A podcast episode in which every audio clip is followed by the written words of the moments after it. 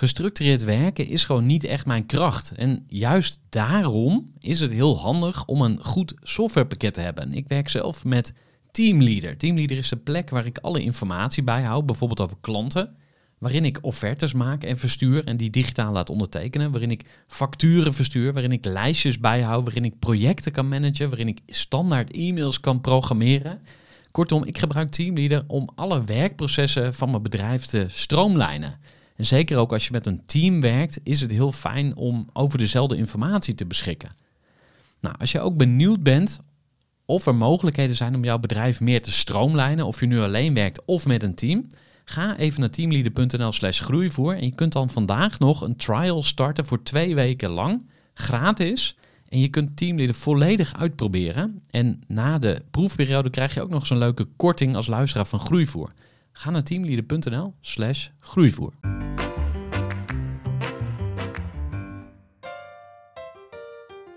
Hey, leuk dat je luistert. Mijn naam is Gerard Velde, zoals je waarschijnlijk al weet. En je luistert naar de Groeivoer podcast. Het is even een tijdje geleden dat er een nieuwe aflevering van de podcast online kwam. En dat komt omdat ik eigenlijk uh, ja, vader ben geworden. Uh, haar naam is Fine. Dus ja, ik was eigenlijk vooral bezig met uh, groeivoer in mijn lieve babytje stoppen. Want ik mag haar ook de fles geven tegenwoordig. En dat betekent dat ik wat minder tijd over had om te besteden aan de podcast. Nou, de afgelopen tijd heb ik verschillende soorten afleveringen gemaakt. Ik heb inspiratieafleveringen gemaakt. Ik heb een introductieaflevering gemaakt natuurlijk, waar zelfs een aantal mensen bij in slaap vielen. En ik heb ook een heel aantal interviews gepubliceerd. En nou, eigenlijk nog niet zo heel veel interviews, maar ik heb toch al 15 à 20 interviews gedaan. En wat ik de komende tijd wil gaan doen, is wat vaker ook gewoon eigenlijk mijn echte eigen geluid laten horen. Dus in plaats van dat ik heel beleefd en formeel en rustig ben, uh, dat ik eigenlijk veel meer op de podcast ook ga laten horen van wie ik echt ben. En ik kan af en toe bijvoorbeeld een, een, monoloog over een onderwerp wat me aan het hart gaat, of een irritatie die ik heb, of een, kans die ik zie. En uh, ja, daar wil ik eigenlijk meer naartoe. En ook in de uh, interviews zelf, de gesprekken met de ondernemers die ik uh, tegenkom, wil ik iets meer van mezelf laten zien. En ik zou het ook leuk vinden om uh, van jou wat feedback te krijgen op deze podcast. En onder andere over hoe lang jij de podcastaflevering zou willen zien. Maar ook ja, wat voor soort onderwerpen je interessant vindt. En ja, wat je verder nog aan tips hebt. Want wat ik nog een beetje mis is de interactie met jou als luisteraar. Dus als je me een uh, plezier wil doen en misschien jezelf ook, ja, neem even contact met mij op. Stuur mij een appje, stuur mij een berichtje via LinkedIn, uh, stuur mij een mailtje of bel me gewoon even. Um, nou, als je een uh, beoordeling wilt achterlaten op de podcast-app die je gebruikt of op iTunes, dan is dat ook heel welkom, want dat helpt natuurlijk de podcast groeien en groter worden. Nou, wat ook enorm helpt natuurlijk is het aanbieden van uh, bruikbare inzichten. Daarom wil ik ook meer afleveringen gaan doen rond een bepaald onderwerp. Dus een onderwerp wat voor ondernemers relevant is. En daar ga ik experts bij vragen. Dus daar ga je de komende tijd waarschijnlijk ook meer van horen. En dan is het nu eigenlijk wel tijd om eens in te gaan op de gast van deze afleveringen. Dat is Erik Smithuis. Erik ken ik al uh, heel wat jaartjes. Ik heb zelfs een keer met hem gebeld in het verleden, toen ik uh, uh, nog wat minder lang aan het ondernemen was. En toen viel me eigenlijk al meteen op dat Erik best wel een ja, spiritueel um, en ik vond toen nogal zweverig ondernemer was. Maar ik kon daar toen nog niet zoveel mee. Hij had ook een boek geschreven. En ja, ik dacht van, gast, waar heb je het over? Maar inmiddels ben ik zelf ook wat uh, gerijpter. En zie ik ook dat uh, ondernemen veel meer is dan alleen maar uh, ja, bedrijven bouwen en winstbejag. Maar dat het ook gaat over je geestelijk welzijn. Over wat je toevoegt voor de wereld om je heen. En nou, dat is iets waar Erik ook echt veel mee bezig is. Erik is uh, groot geworden met ICM. ICM is een uh, aanbieder van uh, opleidingen en trainingen. En zij zijn een van de topspelers in de markt. Nou, ICM zorgt niet alleen goed voor haar klanten en voor de aandeelhouders van ICM, Maar ze zorgen ook goed voor hun medewerkers. En dat blijkt onder andere uit het feit dat ze al jarenlang in de top 10 van de Great Place to Work verkiezing staan. En ondertussen is bekend geworden dat ICM dit jaar in de top 3 van de uh, beste workplaces van uh, medium bedrijven staat. Dat, de eh, definitie van een medium bedrijf is tussen de 50 en de 250 medewerkers. Nou, ik sprak Erik Smithuis bij hem thuis in ehm, zijn yoga studio, of eigenlijk de yoga studio van zijn vrouw. En daar spraken we elkaar over, ja, Erik zelf natuurlijk. Hoe is hij gekomen waar hij uh, nu is. We hebben het over het bedrijf, hoe is ICM tot stand gekomen, hoe is het bedrijf gaan groeien. We hebben het over zijn uh, leiderschap. We hebben het ook over het opzoeken van de stilte. Uh, we hebben het over Santiago de Compostela, waar Erik naartoe gelopen is. En ehm, ja, wat ik heel cool vond, is dat naarmate het gesprek uh, vorderde, we eigenlijk uh, steeds lager, dieper kwamen. Dus in het begin ja, bleven we toch een beetje aan de oppervlakte. Hè? En Erik is natuurlijk ook al vaker geïnterviewd, dus ehm, die heeft al vaak de antwoorden gegeven op de vragen die ik stelde. Maar aan het eind raakten we toch ook wel wat, wat een dieper level en kwamen we dus op die spiritualiteit uit. En ja, zingeving was nog echt belangrijk in het leven. Nou, ik zou nog uren kunnen doorgaan met uh, samenvatten van, uh, de, uh, van het gesprek met Erik, maar dat ga ik niet doen. Ik hoop dat je mij een reactie stuurt op deze aflevering. En zonder verder omwegen wens ik je nu heel veel luisterplezier met dit interview met Erik Smithuis van ICM.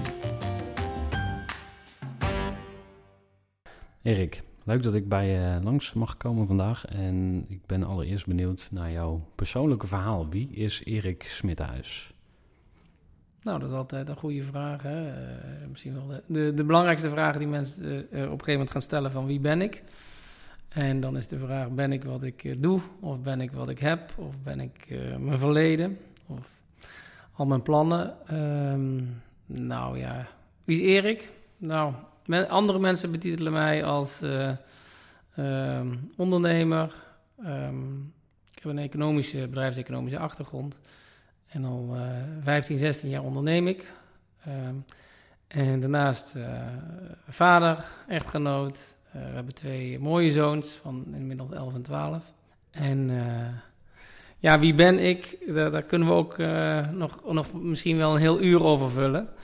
Um, maar wie ik vooral wil zijn, is gewoon iemand die een uh, positieve bijdrage levert in, uh, in de omgeving. Ja. En als jij zegt de omgeving, dan waar denk je dan aan? Dat kan allereerst uh, hier in, in, in, in, de buurt zijn, in het gezin zijn, in de familie zijn. Um, maar ook zakelijk gezien. ja, daar waar, waar ik een bijdrage mag leveren. Om ja, een positieve uh, ja, bijdrage, invloed te hebben. Zodat mensen vrolijk worden van, uh, van uh, mijn aanwezigheid. En dat lukt redelijk aardig. Ja. ja. cool. En hoe, hoe ben je er ooit opgekomen om te gaan ondernemen? Hoe is dat zo gekomen? Ja, dat, dat is natuurlijk bewust en onbewust. Um, ik zeg altijd, vanaf mijn 25 kon ik meer na te denken. Dan blijken bij jongens uh, de hersens ook volgroeid te zijn. Wat deed je voor die tijd? Gewoon, uh, wat was het? Universiteit heb ik gedaan en daarvoor nog middelbare school. En ik wilde huisarts worden, werd een paar keer uitgeloot. Ik kwam uiteindelijk in Rotterdam terecht. En uh, nou, mijn studie goed gedaan, hoop plezier gemaakt, in het buitenland gestudeerd. En, en toen op mijn 25ste werd ik vertegenwoordiger, of trainee heet dat zo heel mooi, bij een grote wasmiddelenfabrikant. En toen kwam ik eigenlijk in het zakenleven terecht. Ja. ja. En wat dacht je toen? Nou, dan dacht ik allereerst, oh, dat zijn net uh, uh, kinderen in grote mensenlichamen. Dus ik dacht, het gaat er heel professioneel aan toe en mensen zijn al bezig om elkaar te stimuleren en, en het, het, beste met elkaar voor te hebben. Maar toen ontdekte ik ook wel dat heel veel mensen gewoon vooral met zichzelf bezig zijn. Maar wat ik toen ook deed, is uh, vanaf dat moment, 6, 27 jaar, toen begon ik heel veel tijd en energie te steken in mijn eigen ontwikkeling. Uh, dat boeide mij. Uh, mensen, menselijke ontwikkeling, psychologie, ook spiritualiteit. En ja, dat, dat kon ik iedere keer ook weer uitstekend combineren met het werkende leven. En kan je eens vertellen hoe dat begonnen is, die persoonlijke ontwikkeling? Nou, dat begon twee, twee typerende momenten waren dat ik in, woon, woonde en woon nu in de omgeving van Utrecht. Woonde toen in Utrecht. Ik was daar in de, in de, in de bibliotheek en ik ging naar de, de psychologie sector. Nou, dat hele woord kende ik niet uh, voor die tijd. Um, en je moet praten, dat is midden jaren negentig. Of denk aan midden jaren negentig. En toen zag ik daar ineens een boek, Haal het beste uit jezelf. En um, van, uh, van Robert Benninga. Uh, inmiddels ook een goede, goede vriend. En dat was toen voor mij een boek waarvan ik dacht: hey, dit gaat over uh, dat je uh, jezelf kunt ontwikkelen, dat je um, ja, je, je, talenten achterna kunt gaan. Uh, het gaat over mensen en communicatie tussen mensen. En ik dacht: hé, hey, daar wil ik meer van weten. En ik, ik pakte het beet en ik begon erin te lezen en ik liet het niet meer los. En zo volgden meerdere boeken. En ongeveer tegelijkertijd kwam een goede vriend van mij, een van mijn beste vrienden kwam naar toe met wie ik in Rotterdam had gestudeerd en zei: Erik, uh, we moeten aan uh, meditatie gaan doen. Ik zeg: Nou, dat, dat is een beetje vaag. Ja, nee, dat kan hier uh, aan, de, aan de gracht. En um, dat doen ook alle topmanagers. En toen dacht ik: Oké, nee, dan gaan we dat doen. En toen zaten we daar en nee, je moet je voorstellen, we waren halverwege twintig en er zaten allemaal oudere mensen, 40 plus, 50 plus. En uh, nou, we hadden een uurtje en toen werd er gevraagd, uh, waarom doe je mee aan iedereen? En de eerste die was burn-out, de tweede had last uh, van andere problemen en de derde die lag aan scheiding. En toen kwamen ze bij ons, we waren met z'n drieën, allemaal uit Rotterdam. Waarom doen jullie mee?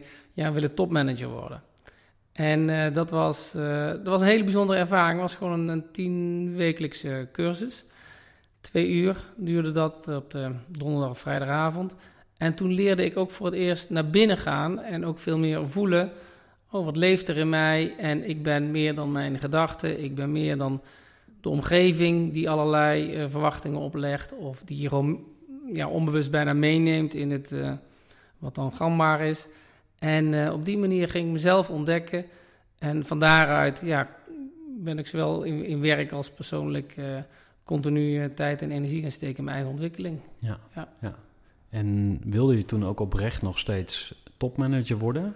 Of ja, is dat is, op een gegeven moment nou, veranderd? Ik, het is me nooit gelukt. Um, nee, kijk, het is altijd een, een, een, Ik had altijd wel een bepaalde uh, ambitie of drive van... Um, ik wil er iets moois van maken, dat voelde ik wel. Ook in Rotterdam heerst er wel een cultuur... Zeker in die tijd van, nou, weet je, uh, hè, niet uh, de mouwen opstropen, niet lullen, ja. maar poetsen. Maar op dat moment begon ik ook echt uh, te denken van nou, laat ik, uh, ik heb een mooie job, een mooie functie om te starten. En laat ik, er, laat ik er wat van gaan maken. En toen kwam ik eigenlijk voor het eerst met de wereld van opleiding, training en ontwikkeling in aanraking. Ja, en daar ben ik zo stapsgewijs verder in gegaan. En uh, uiteindelijk in 2003 zijn we met ICM, het mooie opleidingsinstituut, gestart. En ja, dat is een heel avontuur aan zich geworden. Waarbij we deze week ook weer een, een, mooie... Uh, ja, ik zou zeggen, uitslag kregen dat we uh, dit jaar, hebben we al eerder gehad, maar we deden na vier jaar weer een keer mee, tot een van de tien beste werkgevers van Nederland behoren. Dus dat is voor mij iedere keer wel het belangrijkste om een, om in cultuur te scheppen, om samen te werken, dat mensen het echt naar de zin hebben. En uh, ja, we doen dat weer super. En dat gaat ook samen met, met een heel goed resultaat. Eh, de totale organisatie bestaat uit 120 mensen op kantoor, 250 eh, professionals. En we zijn een, een flinke club en vooral een heel mooi bedrijf waarin de, de waarden goed kloppen en ja, waar ik, waar ik echt trots op ben. Ja. Wauw, gefeliciteerd. Ja. ja. Wil ik straks nog wat meer over vragen, maar ja, ik ben ook ik. benieuwd naar die begintijd. Kan je soms schrijven hoe dat was? Kan je dat... Begin nog... van het ondernemerschap? Ja. Nou, dat was eigenlijk zo dat ik um, zat al uh, nou, een aantal jaren gewerkt. Ik had ook wat ervaring in de opleidingsbranche. Op dat moment zat ik ook bij een grote multinational. En toen een relatie ging uit. En met een goede vriend met wie ik in Amerika had gestudeerd tijdens mijn uh, studie. Toen zaten we op de boot naar Griekenland. En toen uh, zeiden we tegen elkaar: zullen we niet samen ook iets beginnen in opleidingen? want we weten, de markt is groot. we hebben daar misschien wel kans in. En we begonnen op een kamer van 7 bij 4. En ja, het enige doel was, Gerard, om ons laatst verdiende salaris terug te verdienen. Dus ik, weet je, ken nu inmiddels aardig wat ondernemers. En de ene helft is inzet, hard werken, de andere helft is geluk, het moment hebben. En wij begonnen met z'n tweeën en we dachten, nou, weet je, niet geschoten is altijd mis. We gaan ervoor, we doen dat wel ja, met volle overtuiging. Het doel was toen al om een bedrijf neer te zetten waar mensen met heel veel plezier en, en hart en ziel werken. En uh, nou, toen zaten we daar in 2003. Ja, hartstikke spannend. Allebei uh, onze banen opgezegd. En, en beginnen en kijken hoe dat schip, uh, nou, ik zeg altijd niet strand, maar zeilt. En, en toen maakten we een hele snelle groei door. En inmiddels staan we waar we nu staan. Ja. ja. ja. En kan je nog herinneren dat je je eerste medewerker aannam? Ja, dat kan ik nog zeker. Ehm, die heeft tien jaar bij ons gewerkt. En dat was gewoon een huisgenoot van mijn zus. Ik heb een tien jaar jongere zus. En uh, nou, die gaf aan, joh, je moet hem hebben. Die kan heel goed communiceren. En uh, ja, voor een, voor een, uh, een laag loontje namen we hem aan. Om vervolgens allerlei hand- en spandiensten te, te um, uh, verrichten. Ja. En uh, een jaar later namen we hem toen echt al vast in dienst. Dus dat was heel mooi. Vond je dat uh, spannend? ja en nee. We hadden op zich wel een vliegende start, dus dat was heel fijn. Um, maar goed, het, aannemen van medewerkers is natuurlijk altijd een, ja, ik zou bijna zeggen, een, een avontuur of een verrassing. in vele gevallen gaat het goed, in een aantal gevallen lukt het ook niet. Ehm, maar het hele, het hele gebeuren in het begin was zeker spannend. Want ook al, eh, we zaten, moet je voorstellen, na, na anderhalf, twee jaar al met 15 tot 20 mensen op kantoor. Ehm, maar wat je, wat je ook denkt als je succes hebt op dat moment, denk je, wanneer is het afgelopen? Uh, je leest in de krant natuurlijk genoeg van bedrijven die omvallen. Of anderzijds, je denkt, vooral heb ik geluk gehad bleek dat we meer hadden dan alleen geluk. Want we doen het echt uh, en we deden en doen het echt heel goed. Ook op kwaliteitsniveau. Uh, maar toch blijft dat gewoon spannend. En inmiddels, toen we tien jaar bestonden, dacht ik nou, weet je, ik ga me daar niet meer druk over maken. Ik ga gewoon vooral bezig zijn met het heel goed te doen. Ja, en, en ik zeg wel eens, uh, doe je best en het universum doet de rest. Dus hoe dat dan een vervolg krijgt, ja, dat is ook niet aan mij. Dat, dat ja, in die zin kun je niet meer doen dan gewoon je best en, en, en daarin je aandacht geven. Ja. ja. Kan je daar eens wat meer over vertellen over hoe het universum, dat klinkt voor veel mensen misschien vaag, ja. hoe dat je kan helpen om meer succes te hebben in je bedrijf? Nou, ja, het zijn allerlei, het zijn woorden. Hè? De, de, um, en dat is altijd het nadeel van woorden, want iedereen legt zijn eigen interpretatie aan woorden. Maar wat je, wat je volgens mij, uh, uh, wat een hele wezenlijk is, die heel vaak ook in het zakenleven afwezig is, is vertrouwen. En op het moment dat je vanuit een, een, een diep vertrouwen uh, onderneemt, handelt, dan, dan A, zit je jezelf niet in de weg, want, want spanning en angst die niet. Hè. Denk aan een golfspeler, die kan niet iedere hol denken van nou, ik, ik hoop dat het weer wat gaat worden. Die moet in een flow terechtkomen. Die moet in, vanuit vertrouwen kunnen handelen. En op het moment dat je vanuit een, diep vertrouwen, een diep innerlijk weten, uh, gewoon je best doet, dan, dan komt het resultaat, hè, resultaat is een, een, ander woord voor resultanten, komt dan vanzelf.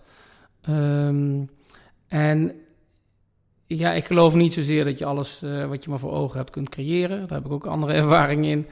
Um, dat is te makkelijk gezegd. Um, wat je wel hebt is gewoon invloed op het proces. En, en wat je heel erg ziet, en dat is, ik probeer het uit te leggen hoor, maar je hebt niveau van oorzaak en het niveau van gevolg. En heel veel mensen zijn bezig met het gevolg, van ik wil dit, ik wil dat of ik wil groei. Heel erg vanuit het hoofd. Maar op het moment dat je op niveau van oorzaak werkt, dan, uh, dan ben je daar bezig. Weet je, in, in het moment, in het spel, in, in, in, in de handeling. Denk dus aan een tennisspeler, uh, toptennissers, die denken helemaal niet aan de eindscore.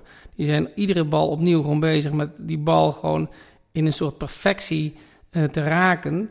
En, en dat is ook eigenlijk in werk. Um, dus iedere keer weer terug naar jezelf, vanuit dat vertrouwen, uh, lessen tot je nemen als dingen niet lukken. En, um, ja, en dan komt daar iets uitgerold. En ehm, soms is dat, uh, word je er vrolijk van en soms minder vrolijk. Ja. ja. Ja, Ik ben wel benieuwd. Jij zei net van uh, wat relax is als je in een bepaalde flow komt Mhm. tijdens het ondernemen of tijdens het werken. Dus dat je niet bezig bent met het resultaat, maar dat je bezig bent met de oorzaak. Dus dat Ja. je de juiste Ja. dingen doet. Kan je eens vertellen wat voor jou flow is of hoe jij flow ervaart in je eigen eh, ondernemerschap? Wat doe je dan? Wat heel belangrijk is in, in, gewoon in het leven en ook in je ondernemerschap is een goede persoonlijke balans. Ehm, mensen die, die niet of minder in balans zijn, die kunnen nog zoveel hebben, maar die voelen zich niet happy. Dan eh, loop je misschien achter iets aan waarvan je denkt, dit gaat mij weer gelukkig maken. De volgende doel en doelstelling eh, bereiken. Maar tegelijkertijd eh, wil je in het hier en nu, wil je gewoon een goede balans. Nou, op het moment dat je goed in balans bent, kun je van daaruit gaan, oké, dit is mijn opdracht, dit is mijn taak, dit is mijn, mijn project waar ik nu mee bezig ben. En daar induiken. En, ehm, ja, en dan, dan verdwijnt de tijd ook. En wat wij altijd wel goed gedaan hebben, is gewoon een hele eh, goede concentratie gehad op datgene wat belangrijk is. Eh, goed altijd te onderscheiden tussen wat is need to do en wat is nice to do. Of wat is need to have, nice to have. Ik bedoel, we hebben ook onze uitstappen gemaakt en vergissingen hoor. Dat we eh, ons te veel af lieten dalen door nieuwe ideeën. Dat ik dacht van, oh, dat, dat gaat het worden. Nou, dat kost je tijd en geld. En op zich is het niet erg om van pad af te raken als je maar weer terugkeert. En als we nou eens teruggaan naar die begintijd, kan je je nog Mhm. herinneren of jij toen mentoren had of mensen die jou of jullie in die tijd Ja. geholpen hebben? Ja, En wie zijn dat? ja. Nou, kijk, ja? Dat ja, zijn drie dat is vragen. goede vragen. Ja, dat zijn drie vragen. Nou, help me maar eh, om ze te onthouden. Ja. Ehm, nou, wat ik, wat ik heel sterk al gehe- gehad heb vanaf het begin, eh, ik was 33 toen ik begon, is coaching opgezocht. En eh, gewoon ook eh, persoonlijke coaching, zakelijke coaching. Omdat ik ook wel voelde, de dilemma's waarmee je zit, je maakt ook enorm veel mee. De eerste tien jaar waren ook heel intens. Eh, gewoon qua groei. Vo- daarnaast kregen mijn vrouw en ik twee mooie jonge zonen. Kinderen, ehm, nou, dat is ook intens. En, ehm, en toch iedere keer weer het stuk zel- tijd nemen voor zelfreflectie. En dat gaat met name goed via, via coaching. Dat deed ik toen al. Om vervolgens iedere keer weer te kijken, hey, blijf ik voldoende dicht bij mezelf? Eh, waar liggen mijn persoonlijke uitdagingen? En eh, daar heb ik veel hulp aan gehad. Dus ik, heb dat net als een... Dat was toen mijn gedachte hoor. Want iedere topsporter of toptennisser die heeft een coach. En ehm, ja, waarom je niet als je gewoon bezig bent eh, met je leven of je werkende leven vorm te geven. Want een- goede coach stelt goede vragen. Die vragen leiden tot zelfinzicht. En zelfinzicht is ook wel een van de sleutels tot eh, eh, een gelukkig en, en prettig en waardevol leven. Ehm, dus dat heb ik enige kant opgezocht. Daarnaast ja, altijd wel eh, goede boeken gelezen. En ook wel me altijd wel veel verdiept in, in filosofie en psychologie en spiritualiteit. En sommige mensen denken, hm, is dat niet wat zweverig of anderzijds? Maar juist zitten daar heel veel levenslessen in. Want als je onderneemt of als je bezig bent, eh, is het voor jou de eerste keer. Maar in de wereld is het al, eh, heeft het al heel veel eh, plaatsgevonden. En die lessen die je daaruit kunt halen, die kun je ook weer toepassen op je eigen ondernemerschap. Ja. Even een korte onderbreking met een belangrijke vraag aan jou. Want wat heb jij geregeld voor het geval je van de ene op de andere dag zou komen uit te vallen? Wat gebeurt er dan met je bedrijf, maar vooral wat gebeurt er met jou persoonlijk en ook in financieel opzicht? Samen met ASR voerde ik drie openhartige gesprekken over tegenslag en veerkracht. En dat deed ik met Saskia, Vincent en Pieter. Ondernemers met een bloeiend bedrijf die van de ene op de andere dag niet meer konden werken. En die verhalen hoor je in aflevering 256, 257 en 258 van deze podcast. Als ondernemer wil je natuurlijk niet uitvallen. En daarom is het belangrijk dat je veerkrachtig bent, want voorkomen is beter dan genezen. En als het dan toch misgaat, is het fijn dat je iets geregeld hebt, zodat je weer snel door kunt met ondernemen. Wil je weten hoe veerkrachtig jij nu bent? Vul dan in twee minuten de veerkrachttest van ASR in. Ga naar asr.nl slash veerkrachttest ondernemers. En zit daar een tip in over lessen aan andere ondernemers? Nou, mijn, mijn, een van mijn ehm, eh, eh, meest waardevolle tips is, is, persoonlijke ontwikkeling leidt tot zakelijke ontwikkeling, leidt tot eh, relatieontwikkeling, gezondheidsontwikkeling. Dus neem de tijd en ruimte om uh, jezelf te ontwikkelen. Neem de tijd en ruimte, hè, zo ook met deze podcast, om jezelf te laten inspireren. Uh, neem tijd en ruimte om naar, naar, naar lezingen, uh, seminars te gaan. Um, dicht bij het vuur warm je het beste. Dus, dus daar waar mensen zinnige dingen delen, daar is het, daar is het goed toeven. En wat ik helaas zie, is dat in de maatschappij misschien wel meer dan ooit er heel veel onzinnige dingen gedeeld worden. Kost allemaal tijd en energie. En laat er nou net een paar mensen, en daarom werk ik ook graag mee aan deze uh, serie. Um, laat er net een paar mensen zijn die zinnige dingen delen. En, want, het, want het werkt. En, en zeker op dat persoonlijke vlak. Je hebt eh, IQ is kennis, maar EQ um, is, gaat echt over zelfontwikkeling. Ja, en dat, dat draagt bij, ja. ja. Kan je eens vertellen hoe je ICM zo hard hebt laten groeien? Mm. Wat was jullie geheim? Wat was een geheime formule? Nou, ik denk dat dat een kwestie is van, um, ja, ja, van inzet plus geluk. Ik had, gaf laatst een lezing aan, aan Hogeschool Rotterdam. En toen vroeg iemand, wat is nou het geheim van succesvol ondernemerschap? En toen zei ik van, nou, dat is inzet plus geluk. En... Um, ik zou eigenlijk zeggen, het overkwam ons. Dus wij, wij groeiden, uh, we deden ons best. Uh, meer mensen kwamen naar ons toe. Uh, het is ook een markt waar veel, een grote markt. opleiding en ontwikkeling voor werkende mensen is een paar miljard euro, die hele markt. En um, ja, iedere keer het heel goed doen. We zijn wat dat betreft um, ja, vanaf de start ook eigenlijk overvallen door, door wat er gebeurde. Maar iedere keer hebben we wel gekozen voor voor uh, kwaliteit, voor een hele uh, sterke klantgerichtheid. Ook duidelijk zijn we gaan zitten op ja, het, het, geluk van onze eigen medewerkers. Want we hadden het wel door, als je een mooi bedrijf wil creëren, kan niet zijn dat de aandeelhouders alleen maar de vruchten plukken. Dan moet iedereen daar gewoon zich happy in voelen. Van leveranciers tot en met medewerkers. En op het moment dat medewerkers ook zeer tevreden zijn, dan leveren ze de beste kwaliteit, hoogste betrokkenheid, minste verzuim. En eh, zo hebben we eigenlijk continu hebben wij stappen gezet. En ja, nu werken we op dit moment nog meer aan onze naamsbekendheid. Nou, dat, dat lijkt ook zijn vruchten af te werpen. Um, ja, en waar het naartoe gaat, ik weet het niet. In die zin heb ik ook niet duidelijk weer groeidoelstellingen. Die hebben we niet. doelstelling is voor mij eigenlijk altijd al geweest vanaf het begin... zorgen dat het klopt. En dat, dat, ja, dat ik wij ook als, als oprichters, ondernemers er plezier in hebben. En dat de medewerkers het zeer naar de zin hebben. Um, en dat klanten ook zeggen, joh, wij komen graag bij jullie terug. Ja. En dat zien we gewoon, ja. Hoe ziet het ondernemersteam eruit? Het ondernemersteam? Nou, bij ons in onze organisatie is het dan dat, dat wij directeur-eigenaar zijn, ik en Harry Peter. En daaronder hebben we gewoon een managementteam wat op dit moment nou, heel fijn en goed functioneert. En daaronder heb je de, de, de, de 10, 11 afdelingen. Ja, die net als ieder bedrijf, hè, van, van ICT tot finance tot um, uh, P&O en, en, en, marketing en sales. Uh, ja, en, ja, en nogmaals, dat, dat, dat, dat draait op dit moment gewoon heel goed. Ja. ja. Hoe, um, wat voor rol speelt geld in jullie bedrijf of in je ondernemerschap? Nou, wat ik ook ontdekt heb. Kijk, op het moment dat je. Ik weet nog dat ik toen ik begon te werken. Toen kwam ik met de tram naar kantoor iedere, uh, iedere uh, dag. Uh, vanuit Utrecht naar Nieuwegein.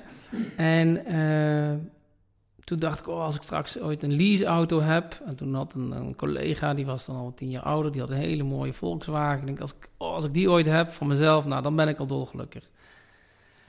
Nou, op een gegeven moment had ik hem, want dan werd, kwam ik ook in die functie terecht. En oké, nou dan, dan wordt het al vanzelfsprekend. En nu inmiddels is het natuurlijk, uh, nou, het bedrijf ook financieel uh, succesvol. Uh, merk ik ook nog steeds dat geld een, een middel is en geen doel. En op het moment dat je dus geld als ondernemer als middel ziet, kun je daar hele goede dingen mee doen. Um, en ik hoorde ooit de mooie filosofie: het is goed om geld te hebben zolang het geld jou maar niet heeft. En dat hebben we eigenlijk, heb ik altijd wel gevoeld. Ik draag ook graag bij aan, aan, aan goede initiatieven en doelen.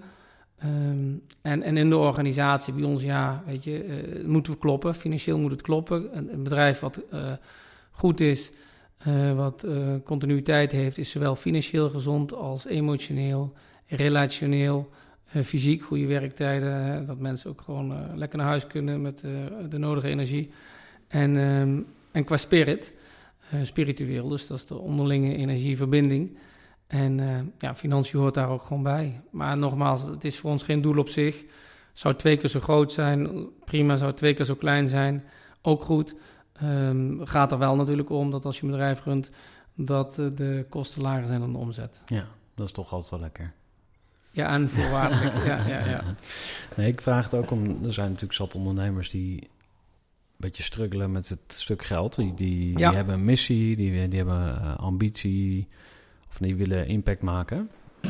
Alleen um, vergeten dat geldstuk, of die vinden het stom, of die snappen het niet, of die denken dat ze het niet snappen. Dus een van de dingen die ik altijd vraag ook aan, aan uh, startende Mhm. ondernemers is: hey, leuk idee. En uh, hoe ga je er geld mee verdienen? Mhm. Of wie gaat jou betalen voor die waarde? Ja. En als die klant er niet is, dan ben je gewoon fucked, Ja. basically. Dus Ja. daarom, daarom vroeg ik het even. Ja. Eh, heb, heb jij die, eh, kwam dat bij jullie vanzelf? Of heb je dat ook moeten ontdekken? Of, Nou ja, ehm, Je had we hadden ook gewoon, ik, bedoel, eh, we- toen we begonnen hadden we gewoon geld geleend en gel- eigen geld. Dat hebben we gezegd, ja, we beginnen nu. En of over een jaar, uiterlijk twee jaar, is het rendabel. Als dat niet zo is, dan gaan we wel weer in dienst. Dus ja, eh, geld is zeker belangrijk. Ik bedoel, eh, in de zin, als je eh, continuïteit wilt, dan moet je een renderend bedrijf hebben. En voor startende ondernemers is het altijd heel goed om te beseffen dat ehm, er meer eh, binnen dient te komen dan eruit dient te gaan. Dus weet je, kosten laag houden is altijd waardevol, zeker in de beginfase. Ja, en, en toch gewoon je dienstproduct of wat dan ook te gelden zien te maken. En ja, je moet er ook geluk mee hebben, je moet er ook eh, mee experimenteren. Ehm, maar ja, als er geen rook uit de schoorsteen komt, dan, eh, dan wordt het koud. Ja. ja. wat voor soort... Maar er is geen gouden formule voor. Weet je, het is niet als dat zo zou zijn, hè, en dat nog wil ik wel even toevoegen. Kijk, heel veel mensen die bij iets beginnen zijn hartstikke enthousiast. Ehm, en je denkt dat je zo recht hebt op succes, want je werkt zo hard en je bent zo betrokken. Uh, maar helaas is het niet zo, zo simpel. Um, ja, dus je zult dat ook met vallen en opstaan moeten ontdekken. Ja. Ja, en als je als ondernemer je laatst verdiende salaris terugverdient, dan doe je het al hartstikke goed. Ja. Ja. Wat voor soort ondernemer ben jij eigenlijk? Ik ben geen ondernemer, ondernemer die, die had, uh, uh, nou, bij wijze van spreken, van alles had kunnen ondernemen. Of het nou badkuipen waren of uh, tuinmeubels of eh, ICT. Ik heb heel bewust gekozen voor, voor opleiding, training, ontwikkeling, omdat er echt mijn hart ligt.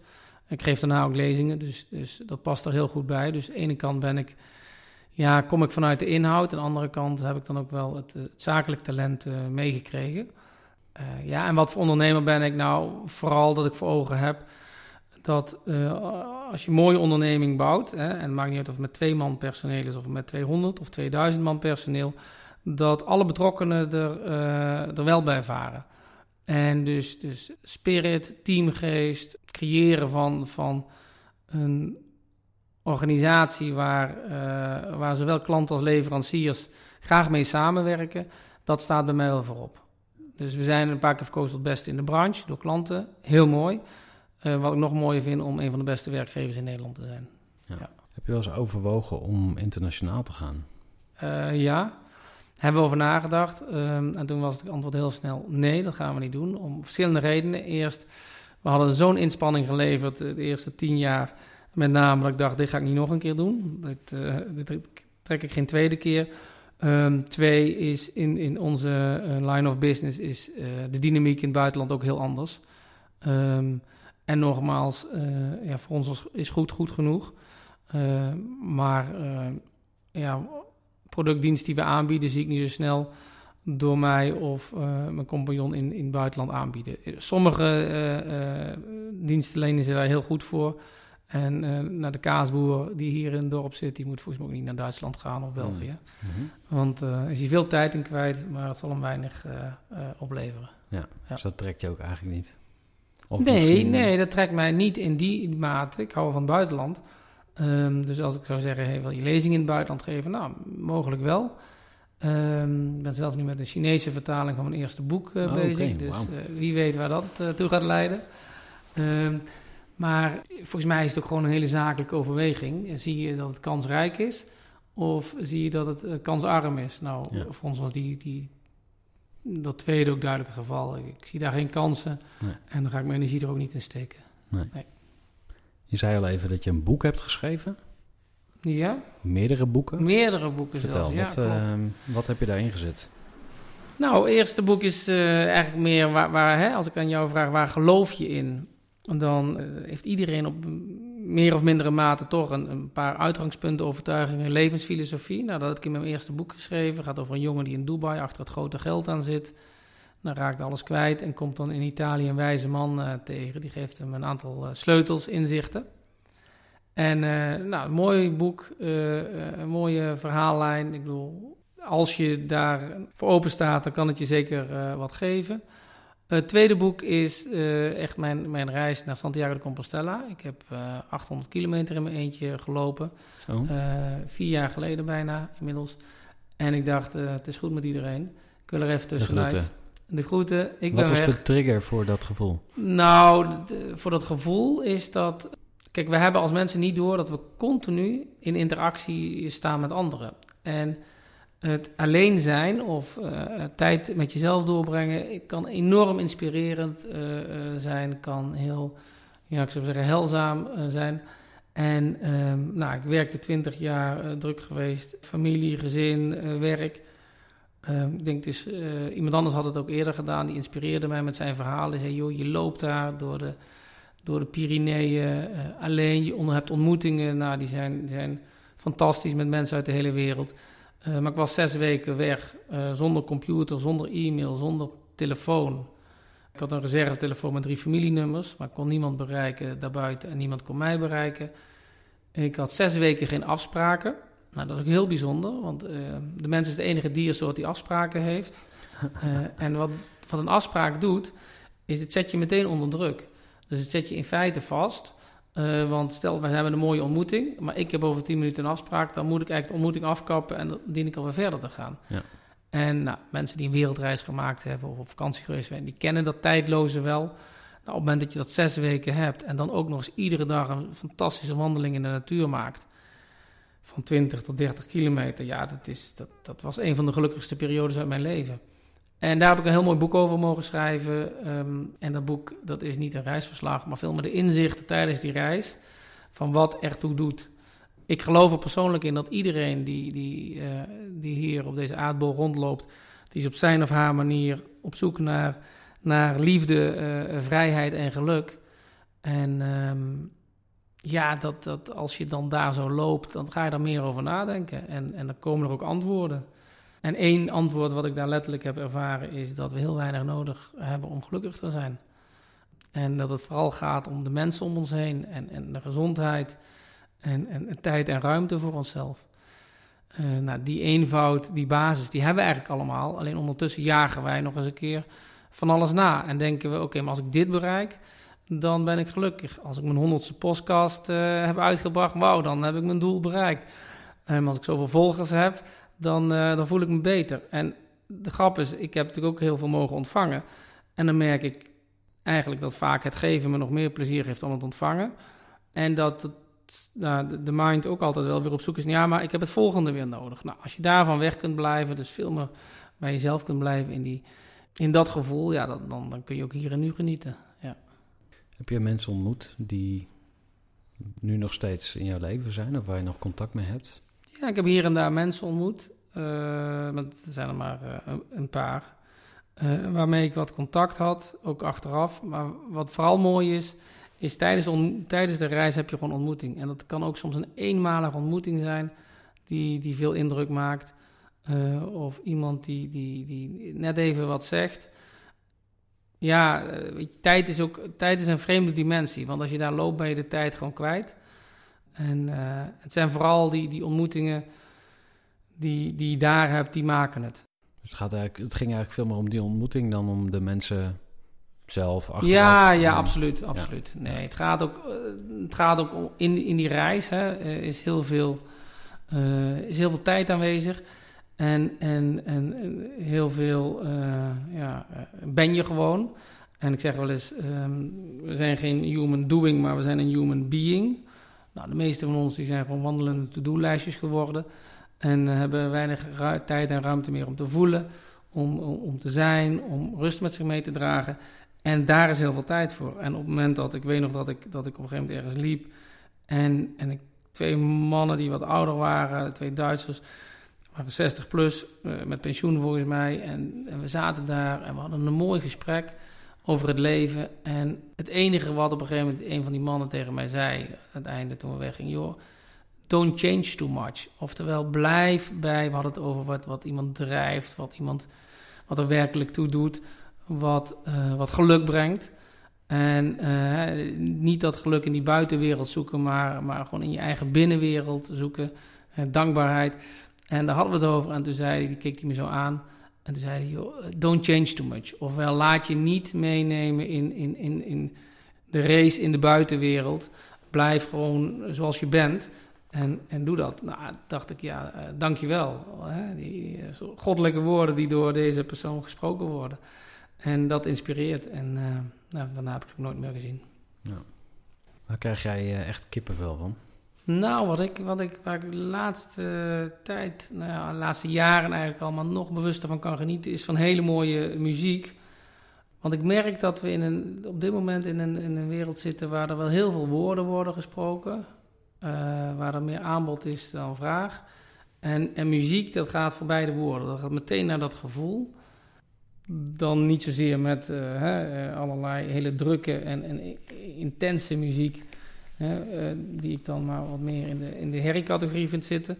Maar vooral ook weet je, de, de klassieke muziek of muziek die je echt heel dicht bij jezelf brengt. Dat, dat vind ik dan wel mooi. En uh, ja, en ik heb laatst die, die, die film gezien, vond ik ook uh, schitterend hoor. Van A Star is Born. Ja, dat, dat, dat, raakt me dan ook. Een mooi verhaal over twee mensen die hun weg in het leven zoeken.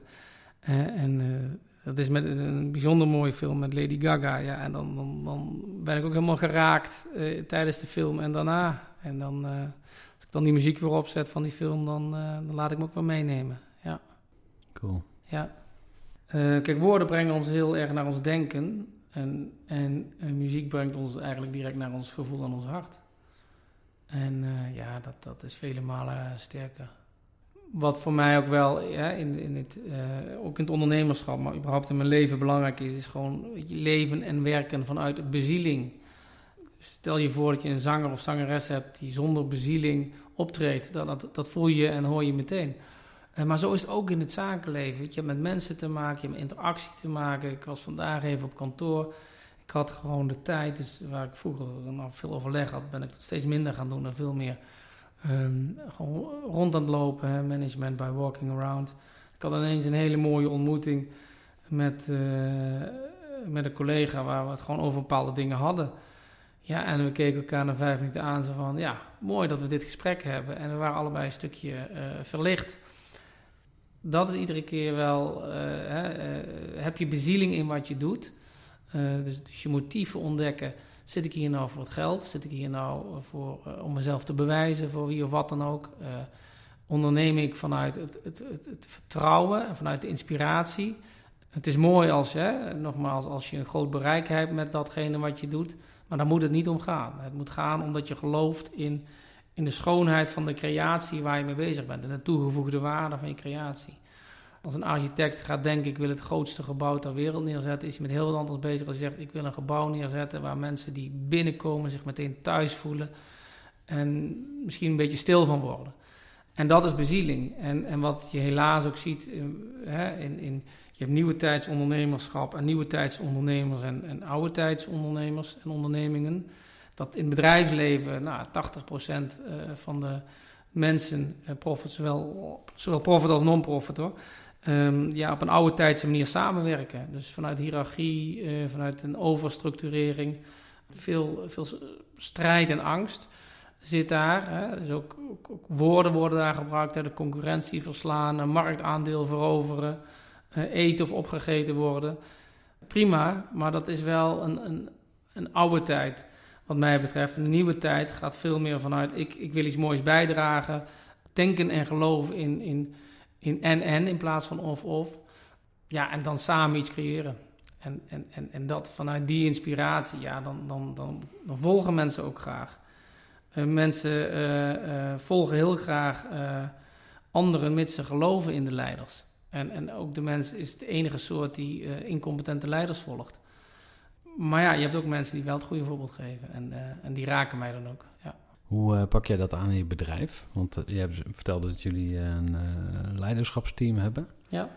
Doe jij iets voor hun om hun ook beter te leren om een leider te zijn? Of doen ze dat zelf? Of hoe werkt dat? Nou, het belangrijkste is, net als met kinderen, uh, uh, maak je geen zorgen dat ze niet naar je luisteren. Maak vooral zorgen dat ze altijd naar je kijken. En dat geldt in een, in, in een organisatie ook. Weet je, het regent van boven naar beneden. Hè? Dus de, de leiding, de, de eindverantwoordelijke, die bepaalt de cultuur. En dat begint bij mij en mijn compagnon. Wij bepalen de, de, de cultuur, dus wij zetten de toon, wij zetten de waarden. En die moeten we vooral voorleven. En wat je dan ziet, als mensen zien, hé, hey, dit, dit, dit, dit, klopt bij mij, dit resoneert bij mij, hier voel ik me in thuis, dan gaan ze dat vanzelf op hun eigen manier overnemen. Um, dus dat is de allerbelangrijkste sturing. Uh, daarnaast kun je dingen ook bespreken of een, een, een programma daarop zetten.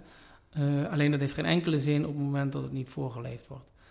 Wat ik al zeg, we hebben net een onderzoek achter de rug waarbij blijkt dat dat buitengewoon, tot buitengewone resultaten leidt.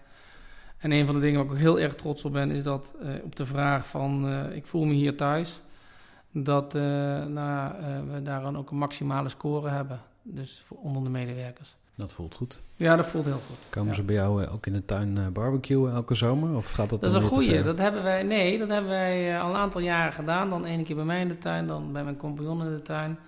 Um, dit jaar hebben we nog niet op de planning staan, maar we gaan wel een hele mooie reis maken met personeel. We gaan met z'n allen naar Ibiza. Oh, joh. En, uh, en dat, uh, ik zeg altijd, het kost geen geld, maar het levert vooral op. Uh, waarom? Omdat dat gewoon toch een beloning is voor het goede werk. mensen kijken ernaar uit, ze genieten daarvan. en straks ja. hebben we vier onvergetelijke dagen die je nooit meer vergeet. Ja, ja. Hoe ontspant Erik Smithuis? Dat is een hele mooie vraag. Uh, nou, voordat jij kwam dacht ik, ik ga eventjes nog boven op zolder, ga ik eventjes lekker uh, liggen, zet ik een kabbelend muziekje op en dan uh, ga ik even in de flow. Um, dus dat is een manier door, door dagelijks, vrijwel dagelijks, even gewoon 20 tot 25 minuten eventjes um, in stilte te gaan. Meestal ga ik gewoon lekker op bed liggen en dan nou, laat ik alle gedachten even los. Uh, daarnaast heb ik altijd veel aan sport gedaan. Dus, dus van fitness tot uh, hardlopen, altijd veel gedaan. Uh, tegenwoordig ook meer tijd ook nemen om even een half uur of een uur, ook soms s'avonds hoor, even een wandeling te maken. Ja, ook hoe ontspan ik ook door gewoon mijn agenda heel goed in de gaten te houden. Dus door niet te veel afspraken te maken, daar heel selectief in te zijn. Eén keer per drie tot vier weken laat ik mij fantastisch masseren. De sauna maak ik ook veel gebruik van. Dus ik ben altijd wel, uh, ook met goed en gezond eten en drinken, ben ik bezig omdat ik voel van ja, als ik lekker in mijn vel zit, hebben anderen meer aan mij. En ehm, ja, en dat heb ik ook wel altijd gedaan, ook in de tijd dat het gewoon heel intensief was. Toen, toen, toen besteed ik er ook al aandacht aan. Want ik denk dat dat ook een van de voorwaarden is voor gelukkig ondernemerschap, om een goede balans te hebben. Ja. Ja. Hoe, hoe typeer je ondernemerschap? Nou, ondernemerschap is een, is een, is een proces, is, is uh, uh, een uiting van, van waar je in gelooft. ondernemerschap vraagt creativiteit. Ondernemerschap vraagt incasseringsvermogen. Uh, dus je kunt niet stoppen bij de eerste beste tegenslag of in een hoekje gaan zitten. Je zult jezelf op moeilijke momenten toch weer even bij de nekvel moeten grijpen en zeggen: Oké, ik ga door of we gaan door. Ja, aan ondernemerschap is ook continu leren. En, en, en eigenlijk, en dat, de, dat is de spirituele kant van mijn ondernemerschap. Kijk, we zijn bezig in de buitenwereld allemaal om, om dingen voor elkaar te krijgen. Maar is dat zo? Is het niet zo dat je eigenlijk dingen doet om jezelf beter te leren kennen? En uh, voorbeelden zijn dat als jij in je ondernemerschap met iets bezig bent, dan, dan leer je door dat te doen jezelf beter kennen. dat betekent dat je soms met dingen moet stoppen, dat, dat je misschien een, iets realiseert en achteraf denkt, hm, het maakt me helemaal niet gelukkig. Nou, vervolgens kan je dan nagaan, wat maakt me dan wel gelukkig? voor mij is het een, al 16 jaar in mijn ondernemerschap, ik werk natuurlijk al langer, dat is misschien een voorbereiding op het ondernemerschap, is het een, eh, een, een, proces waar ik iedere dag weer opnieuw dingen leer. En uh, ja, dat maakt het boeiend. En, en als het goed is, dan, dan ben je na een, uh, ben je over tien jaar, als wij weer hier met elkaar afspreken, dan zijn we allebei weer een stukje wijzer, weer een stukje geduldiger, weer een stukje uh, vriendelijker of liefdevoller. Weer een stukje fijner dan nu. En, en daarvoor heb je ervaringen nodig, want in die ervaring ligt, ligt de les. Hoe heb je die spirituele kant ontdekt eigenlijk? Nou, door aan die grachten te zitten en te denken, oh, er is nog een andere wereld. Um, ook door het heel, gewoon heel objectief te zien. Hè? Want het, objectief. Dat objectief, ja, objectief. Kijk, als je kijkt naar, naar de kwantumfysica, dan ontdek je dat alles één is. Uh, op het moment dat je naar dieren kijkt, die zijn niet bezig met doelen, doelstellingen, morgen en overmorgen. Die zijn bezig in het hier en nu. Uh, op het moment dat je gaat, uh, stilstaat met wat je echt raakt. Wat, wat daar heel erg bij helpt, is tijd en ruimte voor jezelf maken je niet laten afleiden en ook de stilte opzoeken. Want in de stilte, daar ligt heel veel wijsheid en ook een gevoel en ook ruimte om, om, om ja, naar voren te komen. En in een wereld die naar je schreeuwt, meer dan ooit, is stilte opzoeken misschien wel een van de grootste geschenken die je zelf kunt geven.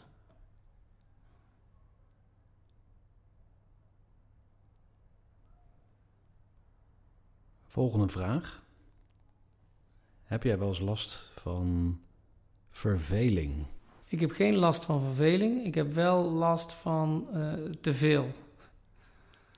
Um, dus waar ik nu op dit moment, hè, in deze fase waar ik zit, uh, nog meer naar verlang, is meer uh, tijd en ruimte om met mezelf te zijn. Want in die interactie met, met anderen geef je altijd een stukje van jezelf weg zet je ook altijd aan. En als ik bijvoorbeeld meer tijd heb om, om buiten te zijn, om in de natuur te zijn, om in die rust te zijn, dan, ja, dan geniet ik gewoon. En ik heb hier een schitterende tuin. En als ik jou vertel hoe vaak ik daarin zit in alle rust, dan is het uh, relatief weinig of te weinig. En dat is wel een van mijn voornemens. Dus ik heb nu in, uh, van 15 juni tot en met 15 september drie maanden sabbatical. Um, met die kanttekening dat ik wel een paar dagen per week, max twee, voor mijn bedrijf beschikbaar blijf. Anders dan, dan creëert dat ook weer zijn, nadelige kant. Uh, maar daarbuiten geen afspraken en vooral veel, uh, veel ruimte. Dus ik heb eerder last van te veel dan uh, verveling of te weinig. Ja. Bestaat er een ICM zonder Erik Smithuis? Nou, niet in deze vorm. Uh, kijk, je, hebt, je kunt het, het, bedrijf of het systeem kun je zo um, kun je, kun je overdragen. Um, en dan natuurlijk heeft het zijn marktwaarde.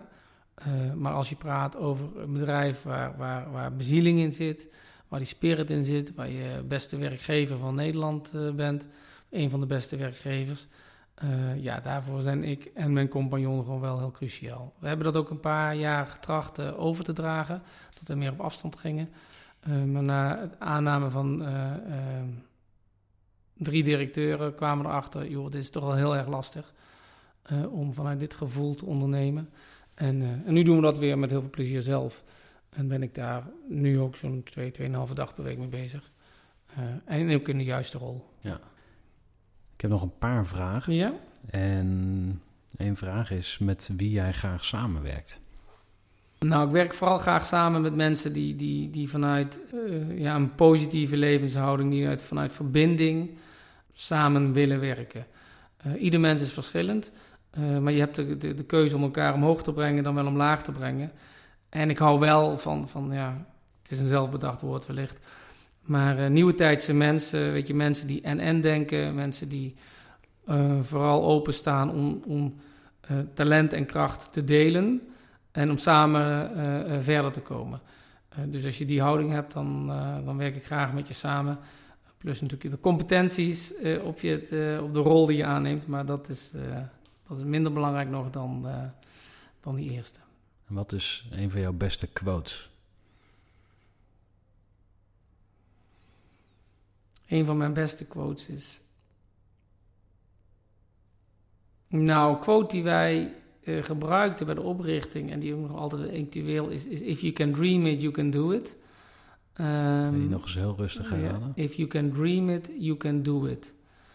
En, en hier zit een paradox in. Want het gaat over dromen en, en ik geloof in de kracht van dromen. En um, dat wil niet zeggen dat de droom uitkomt. Want aan die droom hechten wij altijd een, een vorm. En die vorm, daar gaan wij, eh, hè, dat lukt of het lukt niet. Of dat een groot bedrijf moet worden, of dat succes moet worden. Of uh, een relatie had moeten werken. Uh, maar als je dieper gaat en kijkt naar het, de, de kracht van dromen, is, is, is jezelf naar binnen gaan en voelen van wat leeft er in mij, wat naar buiten wil komen. En als je daar achteraan gaat, dat datgene wat, wat je diep van binnen voelt, dit wil ik met de wereld delen, dit wil ik met uh, anderen delen, dan vindt het zijn weg. Al is het dat je de buurvrouw of buurman raakt die aan het eind van haar leven denkt van nou, dit was wel een heel, uh, hele uh, fijne ontmoeting of een fijn persoon in mijn leven. Ja. ja. Hoe oud zijn je zoons nu? Die zijn nu 11 en 12. En, ja. Oké. Okay. En verwacht jij kleinkinderen? Verwacht ik kleinkinderen? Hoop jij dat je kleinkinderen krijgt? Dat is een andere vraag. Dat laatste hoop ik. Um, ik, ik, zie opa Erik Smithuis voor me. Um, wat ik vooral toch zou, zou willen delen is, is en dat uh, tracht ik nu ook te doen, maar ja, mm, moeten ontvangers uh, daar ook zin in hebben en klaar voor staan. Maar wat ik, wat ik uiteindelijk wel merk, en dat geldt niet alleen voor kleinkinderen, geldt voor iedereen, is dat leven vanuit weet je, innerlijke waarden, dat dat heel erg belangrijk is. Eh, veel mensen eh, halen op dit moment hun waarde uit, uit eh, de media, sociale media. Vroeger haalde je, kreeg je waarde veel meer vanuit nou, gezin, kerk, onderwijs, politiek. Um, en als je van, niet vanuit waarden leeft, dan ben je in feite waardeloos. En um, niemand staat op of wordt geboren en denkt: ik ga mijn leven eens even omtoveren in een zooitje. Of ik ga deze dag eens even goed uh, verkloten. Maar als je niet vanuit die wortels, die waarden leeft, dan, uh, dan, dan raak je letterlijk ontworteld. En, uh, en nou ja, één hele belangrijke is voor mij eerlijkheid, integriteit. Ja, en ook gewoon positiviteit, vriendelijkheid en, en, en relativeringsvermogen en gevoel voor humor. Want op het moment dat we onszelf te serieus gaan nemen, dan zijn we ook een stukje van onszelf kwijt. Dan gaat het ook mis. Wat mij betreft wel, want uh, ja, dan zijn we weer te druk met het ik bezig. En, ja. Uh, ja, ja. ja. Hoe koppel jij religie en spiritualiteit aan elkaar, of niet? Ja en nee. Um, van oorsprong ben ik uh, katholiek opgevoed in Brabant. Nou, altijd in de kerk gezeten. En dat was uh, hartstikke mooi. Toen ben ik dat op een gegeven moment... Uh, nou, was ik daar niet meer. Op mijn, achter mijn twintigste ben ik dat veel meer zelf gaan, gaan ontdekken. En um, voor mij is... is Jezus Christus een van de, zo niet de grootste leraar aller tijden. En um, wat ik zelf af en toe lastig vind, is dat, ik zeg allemaal, je hebt eh, kerk en geloof. En in kerk, ja, weet je, dan worden de mensen gaan er weer uh, van alles aan toevoegen. Maar in pure essentie um, is het heel erg mooi. En ik kom ook graag, ik kom ook graag in, mooie kerken in binnen- en buitenland. En het liefste als, als ze leeg zijn. Want dan kan ik daar in mijn eigen stilte gaan zitten. En ook dat, dat, dat helpt natuurlijk. Het is ook ergens maar een gebouw. En tegelijkertijd is dat een gebouw waar veel in, in uh, uh, plaats heeft gevonden. Um, ja, geeft me dan ineens weer dat gevoel van verbondenheid. Um, en, ja, dat, dat, uh, wens ik meerdere mensen toe. want het is natuurlijk ook zo, en dat is ook vaak een nadeel van media. De media zoekt altijd excessen op. En het komt dan in het nieuws als er weer een, een schandaal is maar goed, dat is een paar procent van het geheel. En, ehm, en daar ook aan voorbij kijken is natuurlijk ook al een kunst. maar voor mij, ja, ehm, zijn het ook weer woorden wat het verschil tussen spiritualiteit en religie. religie betekent in het Latijn religare, verbinden. En spiritualiteit betekent spirit, geest, de Holy Spirit. Dus ja, dan zijn we bij hetzelfde. Ja, ja. ja. Ik wil graag afsluiten met een paar ondernemerstips.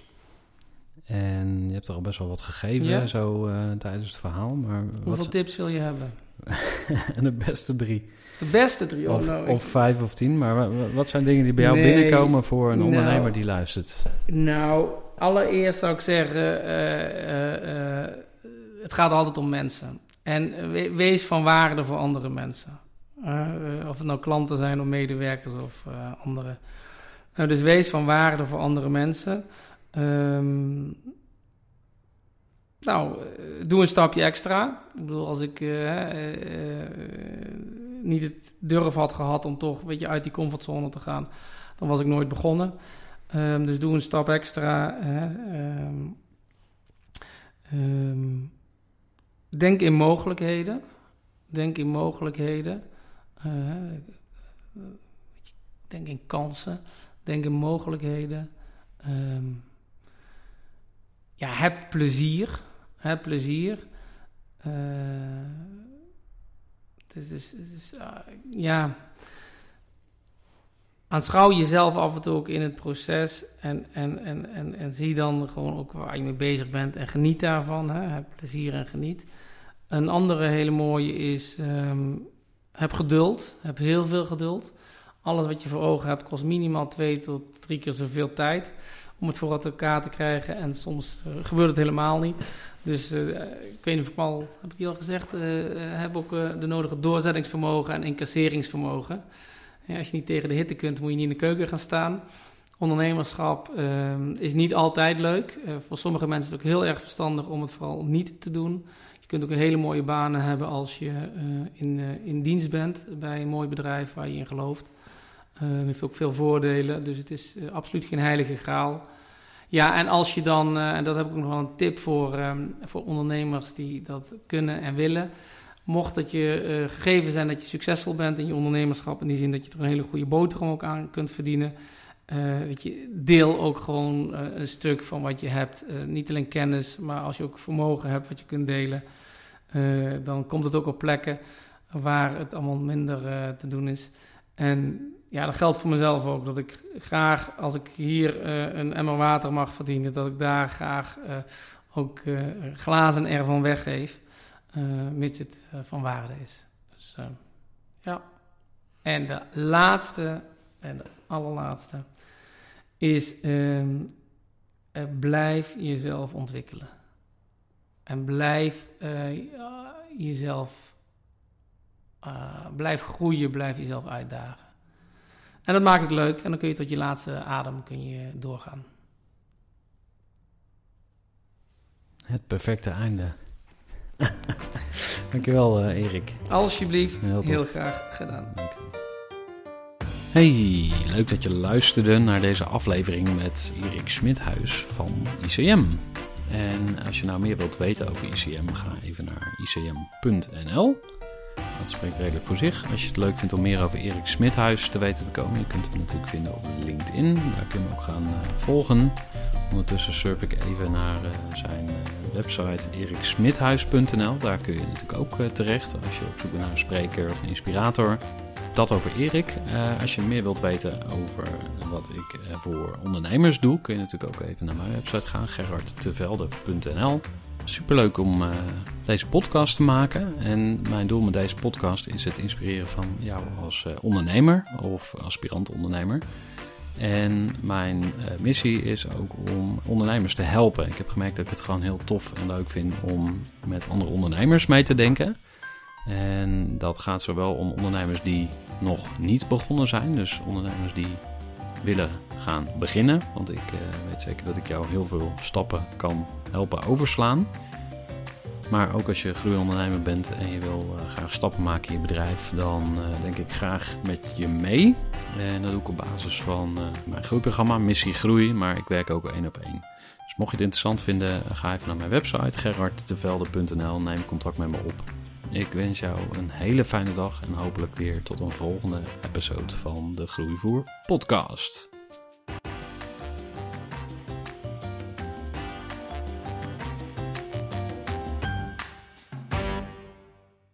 Gestructureerd werken is gewoon niet echt mijn kracht. En juist daarom is het heel handig om een goed softwarepakket te hebben. Ik werk zelf met Teamleader. Teamleader is de plek waar ik alle informatie bijhoud, bijvoorbeeld over klanten. Waarin ik offertes maak en verstuur en die digitaal laat ondertekenen. Waarin ik facturen verstuur, waarin ik lijstjes bijhoud, waarin ik projecten kan managen, waarin ik standaard e-mails kan programmeren. Kortom, ik gebruik Teamleader om alle werkprocessen van mijn bedrijf te stroomlijnen. En zeker ook als je met een team werkt, is het heel fijn om over dezelfde informatie te beschikken. Nou, als je ook benieuwd bent of er mogelijkheden zijn om jouw bedrijf meer te stroomlijnen, of je nu alleen werkt of met een team, ga even naar teamleader.nl slash groeivoer en je kunt dan vandaag nog een trial starten voor twee weken lang, gratis. En je kunt Teamleader volledig uitproberen. En na de proefperiode krijg je ook nog zo'n leuke korting als luisteraar van Groeivoer. Ga naar teamleader.nl slash groeivoer.